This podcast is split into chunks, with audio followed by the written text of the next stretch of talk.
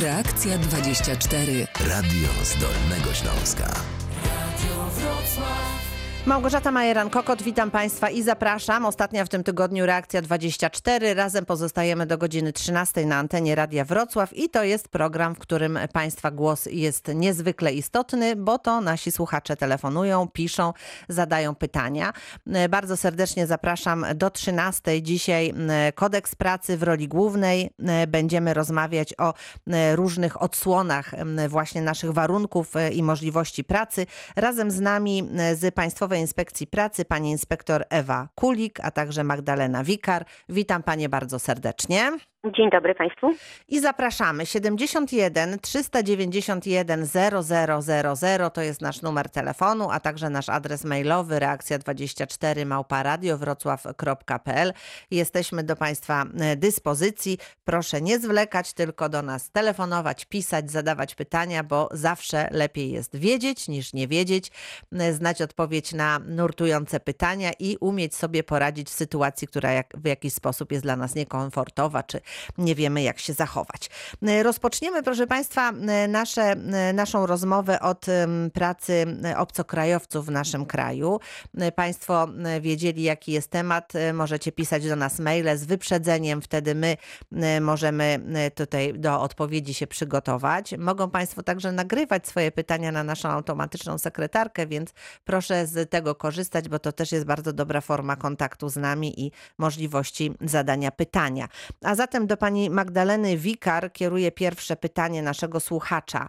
E, pisze w ten sposób. Termin legalnego pobytu na podstawie wizy krajowej kończy mi się 20 czerwca tego roku, e, czyli w okresie jeszcze stanu zagrożenia epidemicznego czy e, stanu epidemii. Czy muszę dopełniać jakichkolwiek formalności? Pyta nasz słuchacz.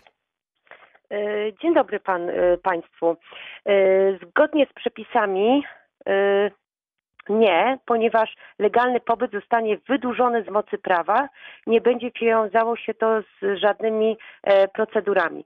Mówi nam o tym artykuł 15 ZD e, ustawy z dnia 2 marca 2020 roku o szczególnych rozwiązaniach związanych z zapobieganiem i przeciwdziałaniem i zwalczaniem COVID i innych chorób zakaźnych. E, przepis ten nam mówi, że jeżeli ostatni dzień okresu pobytu cudzoziemca na podstawie wizy krajowej przypada w okresie stanu zagrożenia epidemicznego lub stanu epidemii mhm. ogłoszonego w związku z zakażeniami wirusem SARS, okres pobytu na podstawie tej wizy oraz okres ważności tej wizy ulega przedłużeniu z mocy prawa do upływu 30 dnia następującego po dniu odwołania tego ze stanu, stanu, który obowiązywał jako ostatni. Czyli z tego wynika, że jeżeli termin legalnego pobytu kończy się cudzoziemcowi na przykład 5 czerwca, czyli dzisiaj, mhm. czyli nie musi fizycznie nic robić, czyli udawać, że jest do żadnego urzędu, mhm. żeby przedłużyć tą wizę. W przypadku, o którym mowa e, w dokumencie podróży cudzoziemca, nie umieszcza się nowej naklejki mhm. wizowej. Bardzo dziękuję. Mówię... Będziemy jeszcze o tym mówić, ale teraz widzę, że ktoś do nas telefonuje, to ja już szybko odbieram telefon, żeby radzić naszym słuchaczom. Dzień dobry, Radio Wrocław, witam. A tu niestety nikt się nie odzywa, dlatego bardzo proszę telefonować i e, tutaj też nieustająco mamy do Państwa taką prośbę, żeby e, nie rezygnować, bowiem no, musimy dojść do kropki e, wypowiedzi naszego eksperta, abyśmy mogli słuchać pytania i Państwu na te pytania odpowiadać. W związku z tym bardzo proszę 71 391 0000 to jest nasz numer telefonu. Proszę z niego korzystać, ale pamiętać o tym, że mamy tutaj jeszcze trochę utrudnioną pracę pracę, więc aby sobie dobrze poradzić, to musimy e, tutaj zachowywać pewne środki e, takiego dobre, dobrej współpracy. No to próbuję raz jeszcze, ponieważ widzę, że telefon dzwoni. Zobaczymy, może teraz się uda. Radio Wrocław, dzień dobry. Halo, dzień dobry. Halo, halo. Ha, tak. Ja panią słucham. Y, jeszcze raz proszę pytanie, bo przekazano Nie, nie, nie, na razie, na razie niestety nie słyszymy pytania, bowiem ktoś do nas zadzwonił, ale się nie odzywa. A, rozumiem. Czy mamy słuchacza? Niestety nie mamy.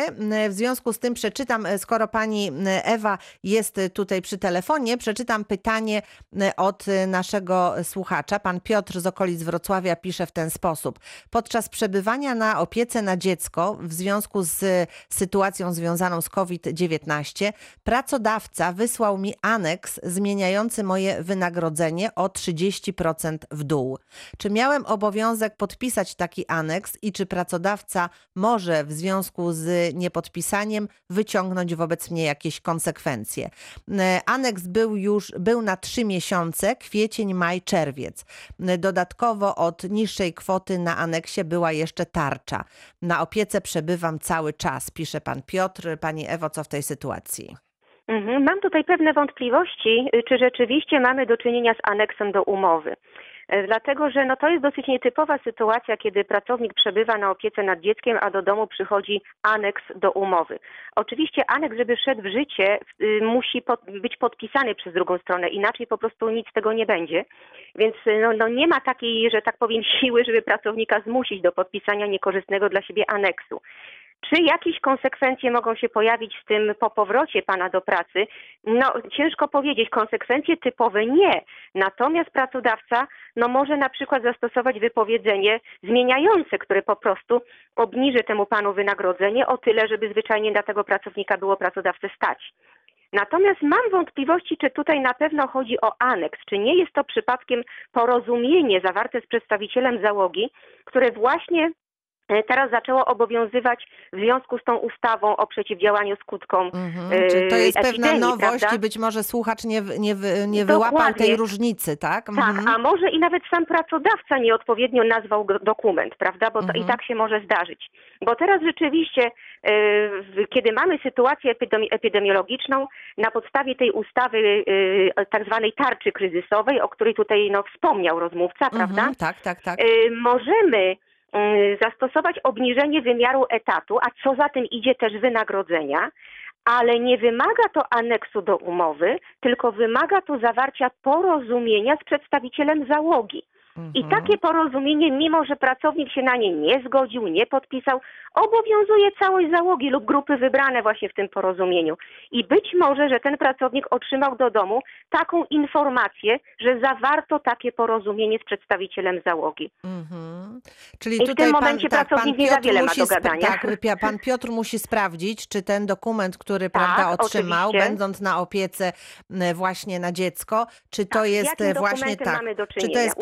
Porozumienie z przedstawicielem załogi, czy to jest jakiś Czy to aneks, jest aneks, do, umowy, czyli porozumienie z pracownikiem? Tu Mhm, musimy mhm. mieć co do tego pewność. Bo tutaj jest zasadnicza różnica i też Oczywiście. inne zachowanie w tej sytuacji. Tak, tak, Dobrze, się. dziękuję pani Ewo i już odbieram telefon. Radio Wrocław, dzień dobry.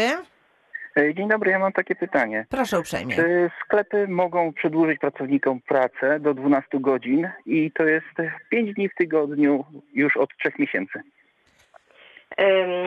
Proszę pana, y, przedłużyć pracę w jaki sposób? Czy to jest polecenie pracy w godzinach nadliczbowych, czy zmieniono system czasu pracy? Bo to też jest pewna Y- różnica. W godzinach nadliczbowych. W godzinach nadliczbowych. Y, oczywiście w razie nagłych zdarzeń pracodawca ma możliwość zlecać pracę w godzinach nadliczbowych. Do 12 godzin, no oczywiście zdarza się. Natomiast to wszystko musi być zrekompensowane odpowiednią ilością godzin wolnych od pracy w ramach jednego okresu rozliczeniowego. Więc trzeba zobaczyć, jaki okres rozliczeniowy funkcjonuje w zakładzie pracy i kiedy te godziny zostaną zrekompensowane. Jeżeli nie nastąpi rekompensata czasem wolnym, te wszystkie nadgodziny muszą zostać zapłacone z odpowiednim dodatkiem. Dobrze, dziękuję za Wszystko jasne? Dziękujemy bardzo. E, Pozdrawiamy i do usłyszenia. Proszę Państwa, 71 391 00 00 to jest nasz numer telefonu, także nasz adres mailowy reakcja24 małparadiowrocław.pl. Proszę z tego e, korzystać i już widzę, że ktoś do nas telefonuje, więc odbieram. Radio Wrocław, dzień dobry. Dzień dobry. Dzień dobry, proszę dobry. uprzejmie. Ja, ja chciałem zapytać o taką rzecz. E, Jeśli chodzi o sposób wyliczania, z, e, mm, z ilu miesięcy się wylicza stawkę za opiekę, za L4, czy to są trzy miesiące, czy to jest e, 12. dłuższy okres? 12. Tutaj y, bardziej byłoby tutaj wskazane pytanie do, do rozmówcy z, z przedstawiciela z ZUS-u, ale tutaj bierzemy przepisy ZUS-owskie, które mówią jak liczy się zasiłki i to jest średnia z 12 miesięcy poprzedzających. Dobrze, a proszę mi powiedzieć jeszcze, czy to jest średnia z podstawy, czy z wpływu na konto? Bo jeśli ktoś ma podstawę plus Nie, to premię się też stałą- bierze dodatkowe składniki wynagrodzenia, czyli premia, jeśli ma stały charakter, to również. Natomiast no, nie bierze się takich rzeczy jak jednorazowa nagroda za jakieś tam szczególne osiągnięcie. Natomiast wszystkie składniki o stałym, takim periodycznym charakterze powinny być wliczone. Mhm. E, Dziękuję. A jeszcze proszę mi powiedzieć, czy, bo w tej chwili nie ma czegoś takiego jak fiszki, jak kiedyś były, tak? Czy jaki jest sposób, żeby, nie wiem, czy można prosić o wydanie takiego sposobu rozliczenia, naliczenia tych Można, można. kwot? E, Proszę Jak- pana, jak rzeczywiście coś takiego jak paski z wynagrodzenia fiski, one nie funkcjonują już od dawna. Nawet jeżeli w jakichś zakładach są, no to są jako no, dobra wola pracodawcy, że jeszcze je stosuje. Natomiast według nowych przepisów kodeksu pracy pracownik ma prawo upomnieć się o dokumentację pracowniczą. Także można zażyczyć sobie listy płac które po prostu w, zakładzie pracy funkcjonują. I o ile y, ta budowa e, tej listy płac będzie dla pracownika odpowiednio jasna, no to jest to dosyć praktyczne narzędzie, którym się można posłużyć. Wszystko jasne? dziękuję bardzo. Tak, dziękujemy uprzejmie. E, Państwo do nas telefonują. E, Jeżeli nie możemy e, w tym momencie rozmawiać na antenie, to te pytania nagrywa nasza automatyczna sekretarka. Teraz nagranie pani Bogusławy.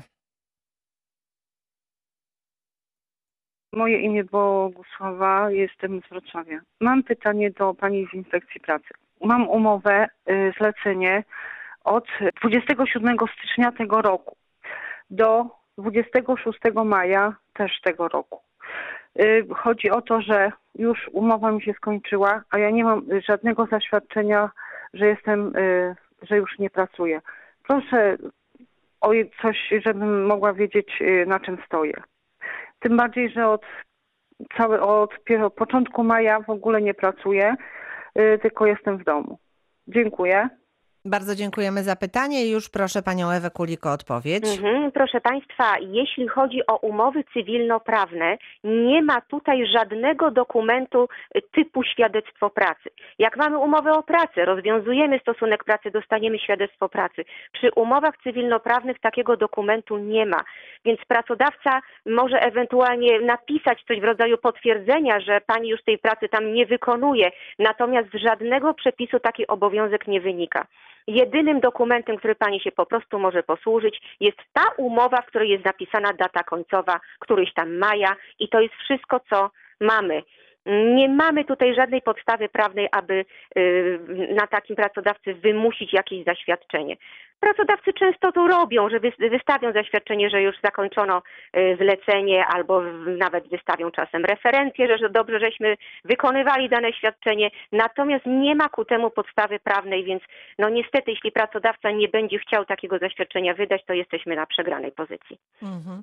Bardzo dziękuję. Mam nadzieję, że e, pani, pani Bogusława tutaj wszystkiego się dowiedziała. Jeżeli nie, to oczywiście mogą Państwo do nas telefonować, e, pisać e, w trakcie trwania programu. E, Jest to o tyle ważne, ponieważ na odpowiedź nie muszą Państwo długo czekać. No a jeżeli to jest już po programie, to wtedy m, podczas kolejnego spotkania możemy Państwu e, te, możemy naszym ekspertom te pytania przedstawić, a oni odpowiadają.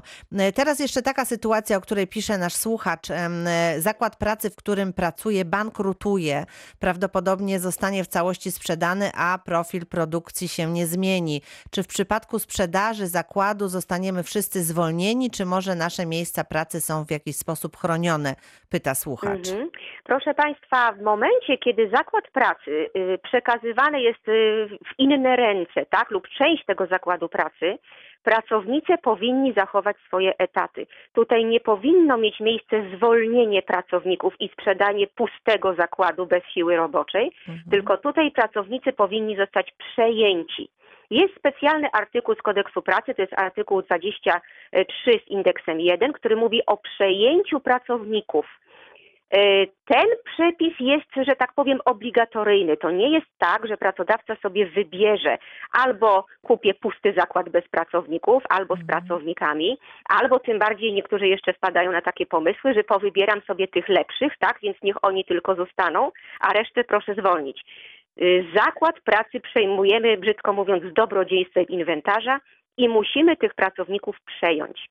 Przejęcie w kwestii formalnej to jest zwykłe wręczenie informacji pracownikowi, że od dnia konkretnego, tak, konkretnej daty Mhm. stajemy się już pracownikiem zakładu, nie zakładu X, tylko zakładu Y, tak? Mhm, tak. Więc zmienia nam się jedynie szef nad głową, a w naszych stosunkach zatrudnienia, e, w warunkach umowy o pracę nic, Nic się się zmienić nie powinno zmienić. Mhm, Dokładnie, mhm. więc wszyscy powinni zachować swoje etaty. Czy tak jest, jeżeli ten profil e, pracy pozostaje niezmienny, czy gdy, gdy coś się zmienia, to też tak mo, moż, może się zdarzyć? To znaczy tak, na ogół przy, przy, to jest taka, taki mm, przewidziany scenariusz, jeżeli na przykład sprzedajemy część zakładu pracy, na przykład spawalnię, tak? Mhm. Więc wszyscy zatrudnieni tam spawacze nadal tymi spawaczami Zostają, tak. będą, Mhm. tak, i, i pracują sobie nadal. Natomiast jeżeli tylko kupujemy pustą halę, na przykład po produkcji odzieży, a my tą halę e, zamierzamy wykorzystać do zupełnie innego rodzaju e, do, działalności, na Mhm, przykład jakiś mhm. tam e, no, no, już przemysł ciężki, no to wiadomo, że nie Że przyjmiemy wtedy nie spaczek, zostaniemy, prawda? tak, oczywiście. Oczywiście, natomiast na jeżeli przykład, przejmujemy e, spalnię, ale no na to przykład wiadomo, że... pracownicy administracyjni, którzy wszędzie są przydatni, prawda? I Wtedy w tak, jednej i w drugiej firmie, to mogą oni e, tutaj Tak. skorzystać z tego i zostać w, w tym Oczywiście. zakładzie. I tutaj tak? nie Mhm. następuje rozwiązanie stosunku pracy, tylko po prostu pracownik jest przejęty automatycznie z jednej firmy do drugiej. Mhm. Bardzo dziękuję i słuchamy. Pan Robert się do nas dodzwonił. Dzień dobry, panie Robercie. Dzień dobry, proszę pana, ja mam takie pytanie. Pracujemy w soboty, czasem nadgodziny. Oczywiście są to e, nadgodziny płacone tam zgodnie z kodeksem, nie setki i tam pięćdziesiątki, ale czy za pracę w nadgodzinach w soboty y, generalnie należą nam się dni wolne od pracy, czy można to odebrać? Mhm. Przede wszystkim powinno być wolne. Cała konstrukcja e, kodeksu pracy, jeśli chodzi o ten rozdział dotyczący czasu pracy, e, idzie w tym kierunku, że przede wszystkim za nadgodziny dostajemy wolne. E, Jak to wynika, wygląda w przypadku soboty? Jeżeli pracujemy po prostu 8 godzin w sobotę, jako w dodatkowym dniu, powinniśmy dostać inny dzień wolny. Nawet jeżeli szef nas ściągnie tą sobotę do pracy na godzinę, na dwie, to i tak musi oddać całą dniówkę wolną za tą sobotę. Natomiast jeżeli z jakichś przyczyn obiektywnych nie możemy zrekompensować tego, y, tej soboty czasem wolnym, bo na przykład kończy się już okres rozliczeniowy i zwyczajnie nie będzie kiedy, to wtedy y, możemy zapłacić z odpowiednim dodatkiem. I w przypadku soboty za pierwsze 8 godzin to są setki. Panie Robercie. Dziękuję bardzo. Dziękujemy uprzejmie E, i zachęcam Państwa do zadawania pytań, bo to jest e, doskonały sposób, aby właśnie rozwiać swoje wątpliwości, dowiedzieć się. E, Przy okazji chciałabym Państwu powiedzieć, ponieważ wczoraj rozmawialiśmy o sprzątaniu Dolnego Śląska, nasz słuchacz prosił, aby tutaj interweniować, dowiedzieć się, dlaczego zasady przyjmowania odpadów w Przoku, w Pieszycach i w Dzierżoniowie są takie, powiedziałabym, nieprzyjazne. Przekazałam tę sprawę naszemu e, reporterowi. Piotr Osowicz, który bywa m, w tym rejonie Dolnego Śląska, obiecał, że zorientuje się i jak tylko będziemy mieli informacje, to myślę, e, że w przyszłym tygodniu już będziemy mogli powiedzieć Państwu, co się dzieje. A tymczasem e, razem z nami e, z Państwowej Inspekcji Pracy pani Ewa Kulik i pani Magdalena Wikar i już odbieram telefon, sprawdzimy, kto do nas dzwoni. Radio Wrocław, dzień dobry. E, Dzień dobry. Ja chciałam zadać takie pytanie.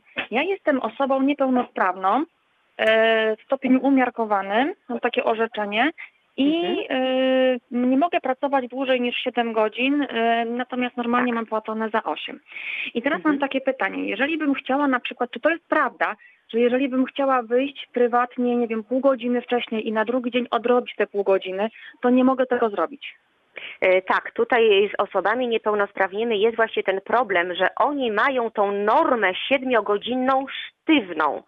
Każdy z nas, który ma normę czasu pracy 8 godzin, no Mhm. to nie jest norma sztywna, natomiast pani 7 godzin jest święte i nienaruszalne. Więc tutaj rzeczywiście to uprawnienie e, wyjścia prywatnego się rzeczywiście kłóci z uprawnieniem do pracy przez 7 godzin.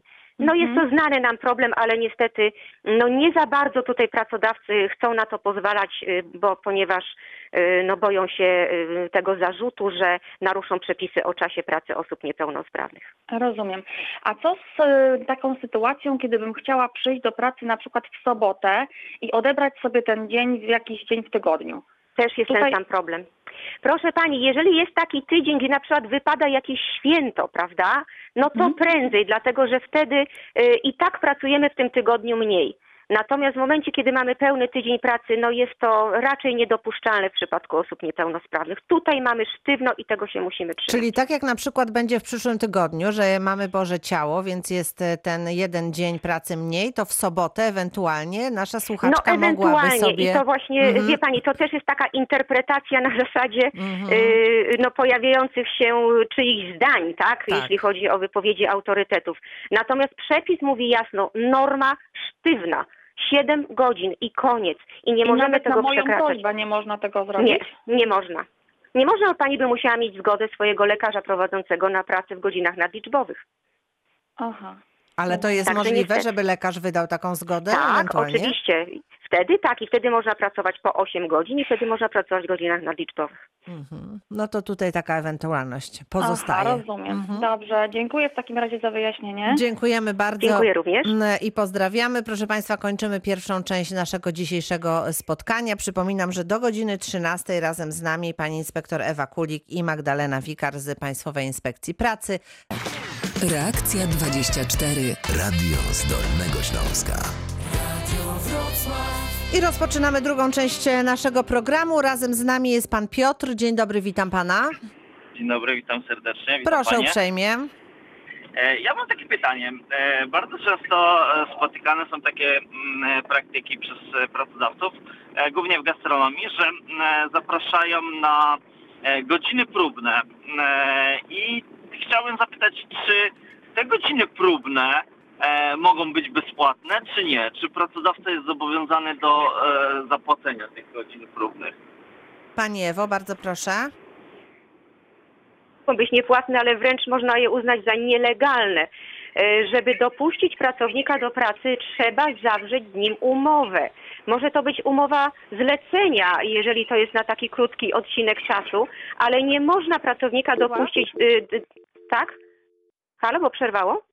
Halo, halo, tak? Jesteśmy? Jestem, jestem, tak, O, jesteśmy. przepraszam. Dobrze, Mhm. coś mi urwało. Mhm. Nie można pracownika dopuścić do pracy bez, bez zawarcia jakiejkolwiek umowy, więc y, nie powinno się tak robić. To jest nielegalne zatrudnienie, żeby dopuścić pracownika w gastronomii na próbną godzinę i jeszcze za nią nie zapłacić. To jest absolutnie y, niedopuszczalne, jest to wykroczenie.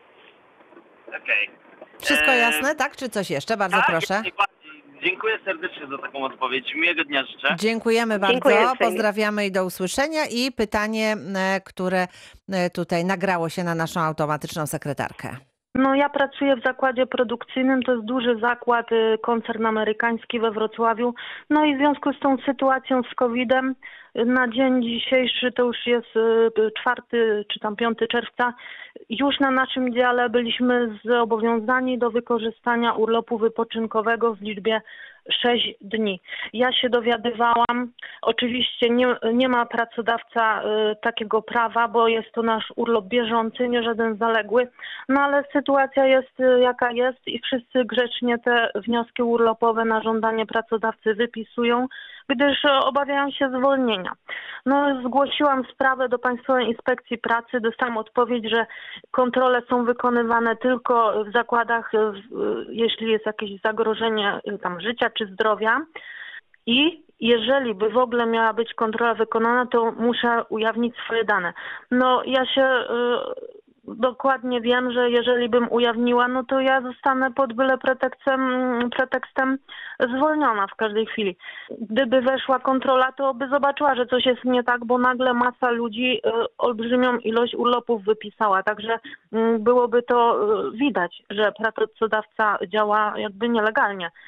No i moje pytanie jest takie, czy jeżeli ewentualnie bym na przykład została zwolniona już w tym czasie z racji właśnie jakichś cięć, to czy mogę jeszcze raz y, złożyć skargę do Państwowej Inspekcji Pracy, żeby działała mm, jakby patrząc wstecz. Czyli ja już będę bezpieczna, bo już mnie ten pracodawca nie będzie zatrudniał, ale bym chciała, żeby Inspekcja Pracy sprawdziła sytuację w zakładzie dla tamtych pozostałych pracowników, którzy tam zostali i którym się dalej urlop wypoczynkowy na bieżąco zabiera. Mhm. No to bardzo, bardzo taka e, przykra sytuacja, o której słuchaczka nam tutaj opowiedziała. Co w tej sytuacji, Pani Ewo? To znaczy tak, oczywiście skargę można złożyć nawet jak już się nie jest pracownikiem, bo oczywiście można y, wskazać nam problemy, które dotyczą o- aktualnych kolegów z pracy.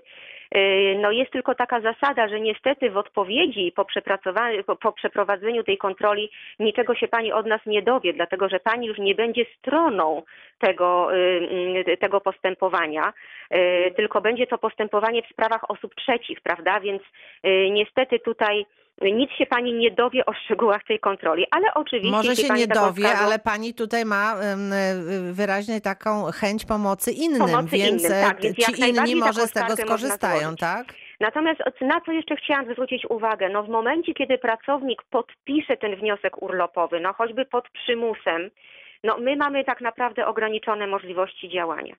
Wniosek opatrzony własnym podpisem to jest forma oświadczenia woli. Więc jeżeli tutaj pracownik potem podważa, że to było pod przymusem, że to było o jakichś warunkach, które uniemożliwiały pełną swobodę, no to od takich spraw jest sąd. Niestety inspektor pracy bardziej musi patrzeć na dokumenty i pracować na dokumentach. I jeżeli on otrzyma plik podpisanych wniosków przez pracowników, no to cóż tutaj, z czym tutaj można walczyć tak naprawdę? No ale jeżeli chcieli, zobaczy, że w jednym, no tak, ale w jednym czasie tyle wniosków, o, no rzuca się w oczy, że faktycznie coś się tutaj zadziało. Prawda, ale pracodawca bardzo często tłumaczy to tym, że pracownicy rzeczywiście zrozumieli trudną sytuację zakładu i mhm. wnioski napisali. No niestety, własny podpis to jest potężna broń i nie tak łatwo się z niego wycofać, wyłącznie w sądzie na podstawie y, wady oświadczenia woli. W, w przypadku tutaj naszej kontroli my mamy tutaj bardzo ograniczone możliwości działania. Rozumiem. Natomiast oczywiście I, można mhm. taką skargę złożyć, my się sprawie przyjrzymy, tak? No dlaczego nie skorzystano z innych narzędzi związanych tutaj Może to z, będzie taki sygnał dla sytuacją. pracodawcy, że tutaj no musi Tak, żeby nie troszeczkę robić tego na tak, przyszłość żeby chociaż, tak, żeby na przyszłość ewentualnie. No niestety Mhm. takie przepisy i e, tutaj to e, wiąże ręce. Niestety. E, No to pytanie mailowe od pani Katarzyny. Pani dzisiaj w programie mówiła o tym porozumieniu z przedstawicielem załogi i tutaj mamy taką sytuację. Firma obniżyła wymiar czasu pracy o 20% na podstawie ustawy o przeciwdziałaniu skutkom, skutkom COVID, zawierając porozumienie z przedstawicielami pracowników. Jak Tak. opłacać nadgodziny dobowe, które wystąpiły w okresie obniżenia czasu pracy? Czy należy Mhm. wypłacać podstawę plus dopłatę, czy można wypłacić samą podstawę, tak jak można to zrobić przy umowie na niepełny etat, jeżeli zawiera ona odpowiedni zapis? Tak, tak. W drugiej części wypowiedzi już padła odpowiedź. W momencie, Mhm. kiedy mamy obniżony wymiar etatu, e, powinniśmy określić w umowie, która godzina będzie już liczona jako nadliczbowa. Więc to wcale nie jest tak, że na przykład pracujemy 6 godzin, zostajemy siódmą godzinę i od razu mamy e, płacone z dodatkiem, bo to wcale tak nie musi być. Natomiast musi być zapłacona podstawa. E, Więc po prostu musi być zapłacona za tą godzinę pracy. Ale jeszcze to wcale nie, nie oznacza, że to jest już godzina nadliczbowa liczona z dodatkiem. Mhm. Także tutaj Mhm. raczej y, jakbym miała się skłaniać ku odpowiedzi, y, to, to jest właśnie to, że y, mamy po prostu zapłaconą za godzinę pracy, ale to wcale jeszcze nie oznacza, że to jest godzina nadliczbowa i płatna z dodatkiem. Mhm. E, Bardzo dziękuję i e, pytanie pana Marcina. Czy istnieją jakieś powody, okoliczności, w których pracodawca może odmówić udzielenia urlopu na żądanie? E, Proszę Państwa, mm, urlop na żądanie właściwie jest prawem pracownika, więc jeżeli pracownik rzeczywiście tego urlopu potrzebuje, to go otrzymać powinien. Natomiast rzeczywiście zdarzają się sytuacje w zakładach pracy, gdzie ten urlop jest przez pracowników na przykład nadużywany albo jest formą jakiegoś przymusu, żeby wywrzeć presję na pracodawcę i na przykład cała załoga sobie weźmie ten urlop na żądanie w jeden dzień i zablokuje produkcję. I wtedy rzeczywiście z orzecznictwa wynika, że pracodawca ma prawo takiego urlopu odmówić. No bo trzeba pamiętać o tym, że mimo wszystko pracownik sobie tego urlopu nie udziela sam. Udziela pracodawca, a on wnioskuje. Mhm. Czy tutaj rzeczywiście pracownik ma powód do tego, żeby wziąć ten urlop? I czy nie jest to jakaś próba zrobienia na złość pracodawcy? No to to już wchodzimy w taki spór, który tylko sąd może rozstrzygnąć. I tutaj na- naprawdę no, nie jest to nowy problem, jeśli chodzi o te urlopy na żądanie. Mhm, mhm. No trzeba by sięgnąć do samego podłoża, dlaczego ten urlop ktoś bierze, tak? I wtedy rozstrzygać sprawę. Rozumiem, czyli bardzo indywidualne podejście tutaj do Dokładnie, sytuacji, bo w dokładnie tak. zależności od tego, co się dzieje, dlaczego taki urlop jest nam potrzebny. E, Mhm. I e, kolejne pytanie mailowe. Czy pracodawca w systemie dwuzmianowym może wydłużyć czas pracy od 5.30 do 14 i od 14 do 22.30? Czy w tym trybie pracy potrzeba dodatkowych badań lekarskich umożliwiających pracę w godzinach nocnych? Pyta nasz słuchacz. Yy, można wydłużyć. Oczywiście możemy w ramach godzin nadliczbowych pracować, yy, no powiedzmy 12 godzin, więc to też nie będzie żadne naruszenie. Yy, Badań dodatkowych nie widzę tutaj potrzeby, natomiast kwestia jest odpowiedniej rekompensaty, bo z tego co zrozumiem z tego pytania, to to jest wprowadzone na pewien czas, tak? czyli w ramach godzin nadliczbowych. Mhm, I no jeśli tak, rzeczywiście one wystąpią, trzeba Mhm. po prostu zrekompensować to czasem wolnym lub odpowiednio zapłacić. Mhm. E, Bardzo dziękuję i zapraszam Państwa. 20 minut pozostało do godziny 13. To oznacza, że mamy jeszcze czas, by odpowiadać na Państwa pytania. E, Gdyby e, mieli Państwo ochotę zadać je osobiście, to trzeba do nas zadzwonić. 71 391 0000 to jest nasz numer telefonu. E, I chciałabym Państwu powiedzieć, przypomnieć w zasadzie, ponieważ dziś ostatni w tym tygodniu program Reakcja 24. E, Jeżeli pojawią się wątpliwości, pytania, to w każdej chwili przez cały weekend o dowolnie wybranej porze mogą Państwo do nas telefonować, bo wtedy nasza automatyczna sekretarka e, nagrywa wszystko to, e, co chcecie Państwo nam powiedzieć. No a my oczywiście później e, staramy się odpowiadać wraz z ekspertami. Telefon dzwoni, więc już odbieram. Radio Wrocław, dzień dobry. Dzień dobry, ja mam takie pytanie. Mm, Mąż pracuje w zakładzie, który jest magazynem i tam jest system czterobrygadowy. E, I zastanawia mnie taka kwestia, bo niedawno jakby wszedł w ten system, więc to jest nowość. E, Jeżeli będzie zobligowany do tego, żeby pójść do pracy właśnie w święta, e, które są z założenia wolne, czyli na przykład Boże Ciało albo 11 listopada, to Mhm. czy z tego tytułu należy mu się jakaś reko- rekompensata? Mm, Inny dzień wolny. Musimy po prostu zrekompensować ten dzień innym dniem wolnym. Mhm. Lub Już. oczywiście, Mhm. jeżeli się nie da oddać, to tak jak już mówiłam przy wcze- wcześniejszych pytaniach, y, musimy zapłacić to z odpowiednim dodatkiem jako godziny nadliczbowe i jeśli to jest święto, to będą to setki, czyli wynagrodzenie za każdą godzinę pracy plus 100%. Aha, powinno być też uwzględnione. Dobrze, dziękuję Pani bardzo w takim razie. Bardzo Dziękuję dziękujemy. Dziękujemy i kolejne pytanie w sprawie świadczenia kompensacyjnego. Dzień dobry. Ja z pytaniem dotyczącym e, świadczenia kompensacyjnego, które przysługuje e, nauczycielom. Mój mąż e, od września przejdzie na takie świadczenie kompensacyjne.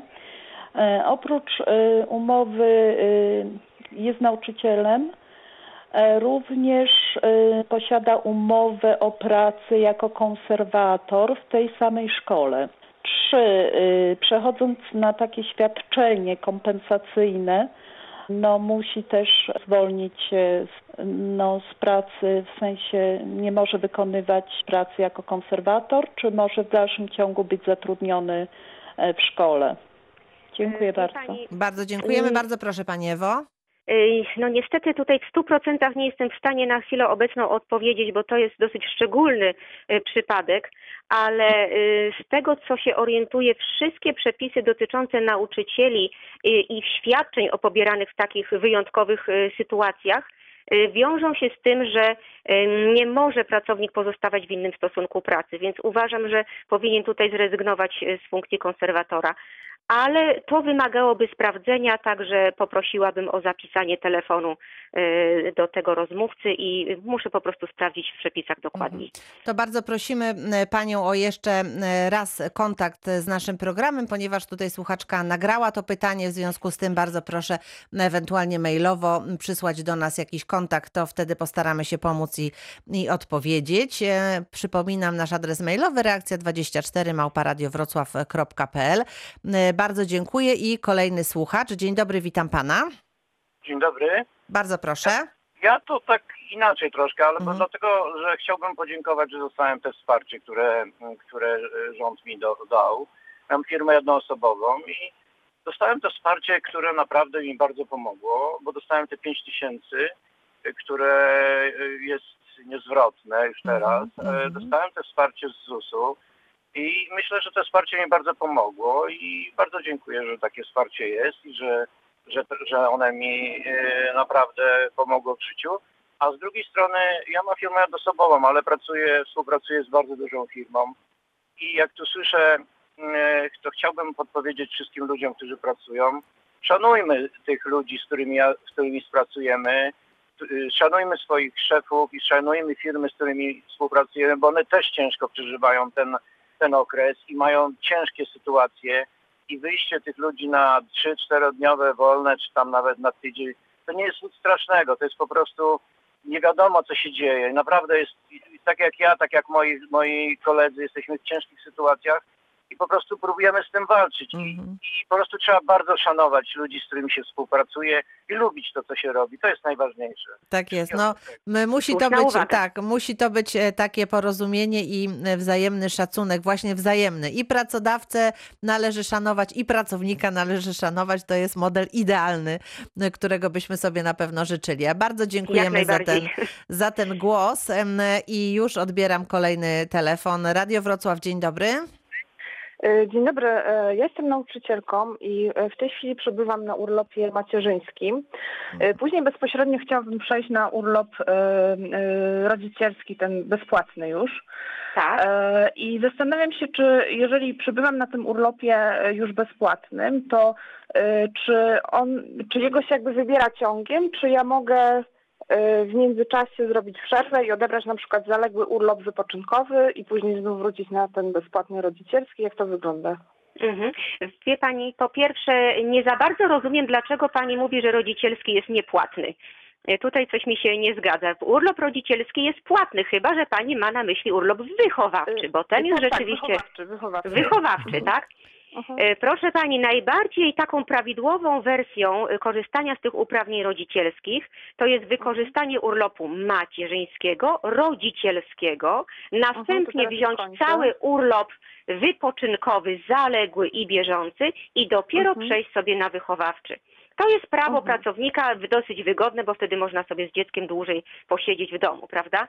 Natomiast rozumiem. jeśli pani chce zostawić sobie ten urlop na później, to jak najbardziej również można po prostu nie brać go teraz, tylko w momencie, kiedy pani e, już nie będzie korzystała z tego urlopu wychowawczego e, albo go pani przerwie, to wtedy też może zostać na później ten urlop. Mhm. A kiedy przebywam już na tym wychowawczym, y, to Mhm. czy gromadzi mi się w tym czasie jakiś urlop wypoczynkowy, który ja Nie, potem w jeszcze tym czasie, kiedy mamy wychowawczy, nie nabywamy prawa do urlopu. Aha. On się liczy do Rozumiem. uprawnień pracowniczych, czyli do tego wymiaru, y, dzięki któremu mamy 20 lub 26 dni urlopu, czyli do wymiaru on się liczy, natomiast przez ten okres nie nabywamy prawa do urlopu po każdym miesiącu. Mhm, rozumiem, dobrze, dziękuję bardzo. za Dziękujemy odpowiedź. uprzejmie, dziękujemy bardzo. Pozdrawiamy również i kolejne pytanie, tym razem e, nagrane. Dzień dobry, y, Małgosia. Czy pracodawca może zmienić godziny w etacie, a tym samym obniżyć pensję bez podpisania porozumienia, zmiany mm, w umowie? Czy jest to możliwe? A jeżeli nie, to jak to powinno wyglądać? I czy można się od tego odwołać? Dziękuję bardzo. Bardzo dziękuję, bardzo proszę panią Ewę. Mhm. Proszę Państwa, e, prawdopodobnie w zakładzie tej Pani również mamy do czynienia z sytuacją kryzysową, bo w sytuacji normalnej, kiedy kryzysu nie ma, zmienić wymiar etatu, a co za tym idzie też y, stawkę, prawda, nasze wynagrodzenie, można tylko na mocy porozumienia zmieniającego z pracownikiem zawartego albo w drodze wypowiedzenia zmieniającego. Natomiast w sytuacji kryzysowej, takiej jak teraz mamy, y, Tutaj mają zastosowanie przepisy na wypadek kryzysu. Cała ustawa, tak zwana tarcza antykryzysowa, właśnie dotyczy tych przepisów kryzysowych, a i też w kodeksie pracy są przepisy, które właśnie działają wyłącznie w sytuacji kryzysu.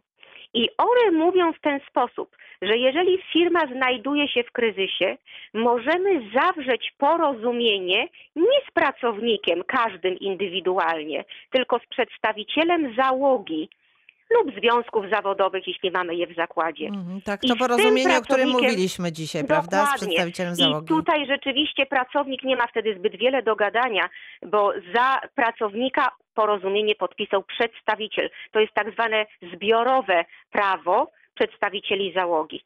A co I to znaczy przedstawiciel załogi? To są związki Albo mamy zawodowe, związki czy kto to jest? zawodowe, to Mhm. jest takie najbardziej przedstawicielstwo typowe. Natomiast jeśli związków nie mamy, wyłaniamy sobie minimum dwóch przedstawicieli pracowników. W wyborach, w głosowaniu, jaka forma przyjęta, taką sobie mamy. I po prostu wybieramy sobie takich przedstawicieli załogi do podpisywania różnych właśnie porozumień w imieniu pracowników. Mhm. I to jest tutaj w tej chwili obowiązujące i, e, i z Tak, tego e, prawdopodobnie ta pani ma korzystać. właśnie z tym Mhm. do czynienia. Mhm. Mhm. E, To jeszcze pytanie, bo mówimy tutaj o korzystaniu z tarczy antykryzysowej. Nasz słuchacz o tym mówił, a teraz pytanie o firmę, która nie kwalifikuje się do pomocy przewidzianej w tarczy antykryzysowej. Tak. Nie otrzymamy, jak pisze słuchacz, zatem żadnych dofinansowań. Firma ma trudności ekonomiczne w związku z zaistniałą sytuacją. Czy możemy obniżyć etaty i wynagrodzenie wszystkich pracowników z uwagi na konieczność ograniczenia produkcji? E, Mhm, Pyta możemy. słuchacz. Mhm. Oczywiście, że możemy. Tutaj rzeczywiście, jeżeli nie kwalifikujemy się pod uprawnienia wynikające z tarczy antykryzysowej, czyli na przykład zalegaliśmy coś w ZUS-ie, nie dostaniemy żadnej dotacji, żadnej pomocy w tym momencie, ale wymiar etatu możemy w bardzo podobny sposób obniżyć. W kodeksie pracy, tak jak wcześniej mówiłam, też są przepisy na wypadek kryzysu. To jest artykuł 9 z indeksem 1 i kodeksu pracy i artykuł 23.1a. I to są takie przepisy antykryzysowe, które też mówią właśnie o tym, że jak jesteśmy w kryzysie, siadamy do stołu z przedstawicielami załogi lub związkami zawodowymi i podpisujemy porozumienie zbiorowe, tak jakby, właśnie na mocy którego możemy obniżyć wymiary etatów wszystkim pracownikom albo części pracowników, czyli tej, która po prostu teraz ma obniżoną produkcję. I to funkcjonuje identycznie jak w tej ustawie covidowskiej, natomiast nie otrzymujemy wtedy żadnego wsparcia ze strony państwa. Mhm. Rozumiem. E, To dziękuję uprzejmie i już słuchamy. Pan Grzegorz się do nas dodzwonił. Dzień dobry, witam. E, Dzień, do, dzień dobry. Proszę bardzo. E, tak, ja, ja takie, takie pytanie. Firma, tak jak powiedzmy w, marcu, e, ograniczyła wynagrodzenia w związku z koronawirusem o 50%. Z końcem maja złożyłem wypowiedzenie w firmie i mam trzy, trzymiesięczny gdyby urlop urodowy psa. I za maj mamy ró- również wypłacone połowę wynagrodzenia. Czy to jest zgodne z prawem, czy nie? No nie, e, nie wiem, czy dobrze usłyszałam wszystko, bo rozumiem, że mogło zostać Tak. obniżone wynagrodzenie w związku z prowadzeniem tarczy antykryzysowej, E, ale tak, jeżeli był ograniczony czas pracy. Ograniczony czas pracy. Tak. Natomiast, proszę pana, no nie może być tak, żeby w ogóle nie było wypłaconego wynagrodzenia. Nie, połowę. Do, dostałem połowę wynagrodzenia przez pierwszy mie- miesiąc, na którym jestem na urlopie. Dostałem y, połowę wynagrodzenia. E, Tak, tutaj jeżeli obniżono panu wymiar etatu, pójście na urlop już będzie liczone za wynagrodzenie urlopowe z połowy wymiaru etatu. Dobrze. Jeśli tak A- rzeczywiście formalnie zrobiono. A, tak, ale ja mam y, urlop z, z, z zeszłych lat. A co z tym urlopem y, przepadnie mi w ogóle? E, Nie, nie, nie, on nie przepadnie. Ten cały urlop zostanie, ale płatny będzie jako wynagrodzenie Na urlopowe już liczone, liczone ze stawki po obniżeniu wymiaru etatu. Czyli, dobrze, czyli no. pozostaje pan tutaj, pan Grzegorz, jakby stratny, tak? W tej No sytuacji? niestety. Mhm. Natomiast zyskuje na godzinach urlopowych, bo wtedy nabył prawo do 8 godzin za każdy dzień, a teraz wybiera sobie ten urlop po 4 godziny, prawda? Jak jest na pół etatu. No tak, tylko ja, ja, ja- ja mam 70 dni urlopu. Ja wypisałem No na rozumiem, trzy miesiące, rozumiem. Trzy, mie- trzy miesiące wypisałem od razu, od razu lub na trzy miesiące. Sied- 70 dni urlopu to pan. No to nazbierał, panie Grzegorzu, to pan w, w ogóle nie korzystał z Nie urlopu. odpoczywał. tak. Nazbierało się, nazbierało I się. tu oczywiście bym wiedziała, widziała większe wykroczenie po stronie pracodawcy, że tyle urlopu e, panu e, nie udzielał. Natomiast jeśli chodzi o wynagrodzenie, no to niestety będzie niższe, bo będzie liczone z tego obniżonego wymiaru. Mhm, No dobra, no dziękuję, dziękuję bardzo. Y, Dziękujemy bardzo, dziękujemy bardzo e, i e, zapraszamy Państwa. Jeszcze kilka minut pozostało nam do końca programu, więc bardzo proszę zadawać pytania i już telefon widzę dzwoni, więc odbieram. Radio Wrocław, dzień dobry. Dzień dobry, witam panią redaktor Stanisław z Dzierżoniowa. Witamy panie Stanisławie. I mam takie kwestie, bo słucham tu państwa. Ja jestem emerytem i pracuję dodatkowo w ochronie na umowę o pracę naturalnie. I w czym rzecz? Ja dużo nadgodzin mam te zlecone. Ja sobie chciałem do tej emerytury, wie pani, przeliczenie zrobić. Czy te godziny nadliczbowe, zlecone, tak zwane, liczą się y, tam w ZUS-ie, czy gdzie to? Tylko to O, niestety to jest pytanie do ZUS-u. Do Nie, nie ZUS-u, czuję się kompetentna tutaj odpowiadać. Panie Stanisławie, ale pytanie. proszę się w ogóle nie martwić, bo przecież pani Irena Szopka z Zakładu Ubezpieczeń Społecznych jest naszym stałym ekspertem. Proszę tylko uważnie e, słuchać naszych zapowiedzi. Jak tylko Mhm, będzie, to mhm. wszystkiego się pan dowie. Wi- Widzę. Tak jest, oczywiście. Znaczy, zachęcam, żeby reakcji 24 słuchać oczywiście e, od poniedziałku do piątku i być razem z nami. I wszystkiego najlepszego. Wszystkiego dobrego panu również życzymy. Bardzo dziękuję. E, Zbliżając się do końca, jeszcze panią Magdalenę Wikar poproszę do odpowiedzi, ponieważ e, to pytanie, które dotyczy pracy cudzoziemców. Czy świadczenie postojowe przysługuje również cudzoziemcom? Pyta nasz słuchacz. Tak, oczywiście. Świadczenie postojowe przysługuje również cudzoziemcom. Wynika to e, z przepisu artykułu 15 ZQ ustępu drugiego ustawy specjalnej, który brzmi, że do świadczenia mają prawo osoby zamieszkujące na terytorium Rzeczypospolitej Polskiej, jeżeli są obywatelami Rzeczypospolitej Polskiej lub cudzoziemcami legalnie przebywającymi na terytorium Rzeczypospolitej Polskiej. Tutaj wa- warto podkreślić słowo legalnie przebywającymi na te- terytorium Rzeczypospolitej Polskiej. Co to znaczy? To znaczy, że posiadają wizę, na przykład krajową lub Schengen, kartę pobytu, na przykład zezwolenie na pobyt czasowy lub przebywają w ramach ruchu bezwizowego. Czyli tutaj jest warunek, legalnie przebywają na terytorium Rzeczypospolitej Polskiej. Mhm. E, Bardzo dziękuję. I teraz e, pytanie również związane z postojowym, ale e, tym razem nie chodzi o cudzoziemców, ponieważ słuchacz pyta, pracodawca wysłał wszystkich pracowników na postojowe. Jak w tym czasie będziemy zarabiać? E, Proszę Pani, tutaj mamy troszeczkę za mało informacji, dlatego że nie wiemy w jaki sposób wprowadzono ten przestój. I jeżeli jest to przestój z kodeksu pracy, to tutaj zarabiamy naszą podstawową stawkę osobistego zaszeregowania, czyli bez wszystkich dodatków, natomiast stawka osobistego zaszeregowania musi być.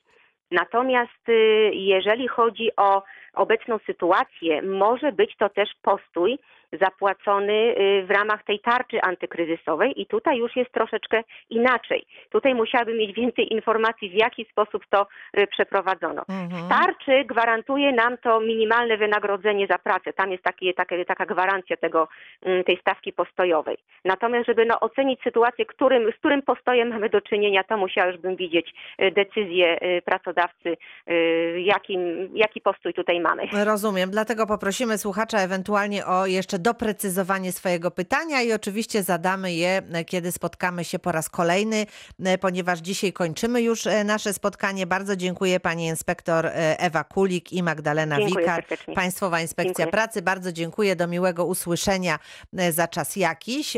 Natomiast ja również dziś Państwu dziękuję. Reakcja 24 w przyszłym tygodniu. Nie będę z Państwem spotykać się w czwartek, bo to świąteczny czwartek Boże Ciało, ale w piątek piątek będziemy rozmawiać o prawach konsumentów, e, a zatem e, nietrafione zakupy, zwroty, zakupy w internecie, przesyłki. Jeżeli mają Państwo jakieś problemy, to proszę nawet już teraz nagrywać swoje pytania albo pisać maile. Z ekspertami będziemy rozmawiać na ten temat w piątek, a w poniedziałek Marek Obszarny w Reakcji 24. Dziękuję Małgorzata Majeran-Kokot. Do usłyszenia.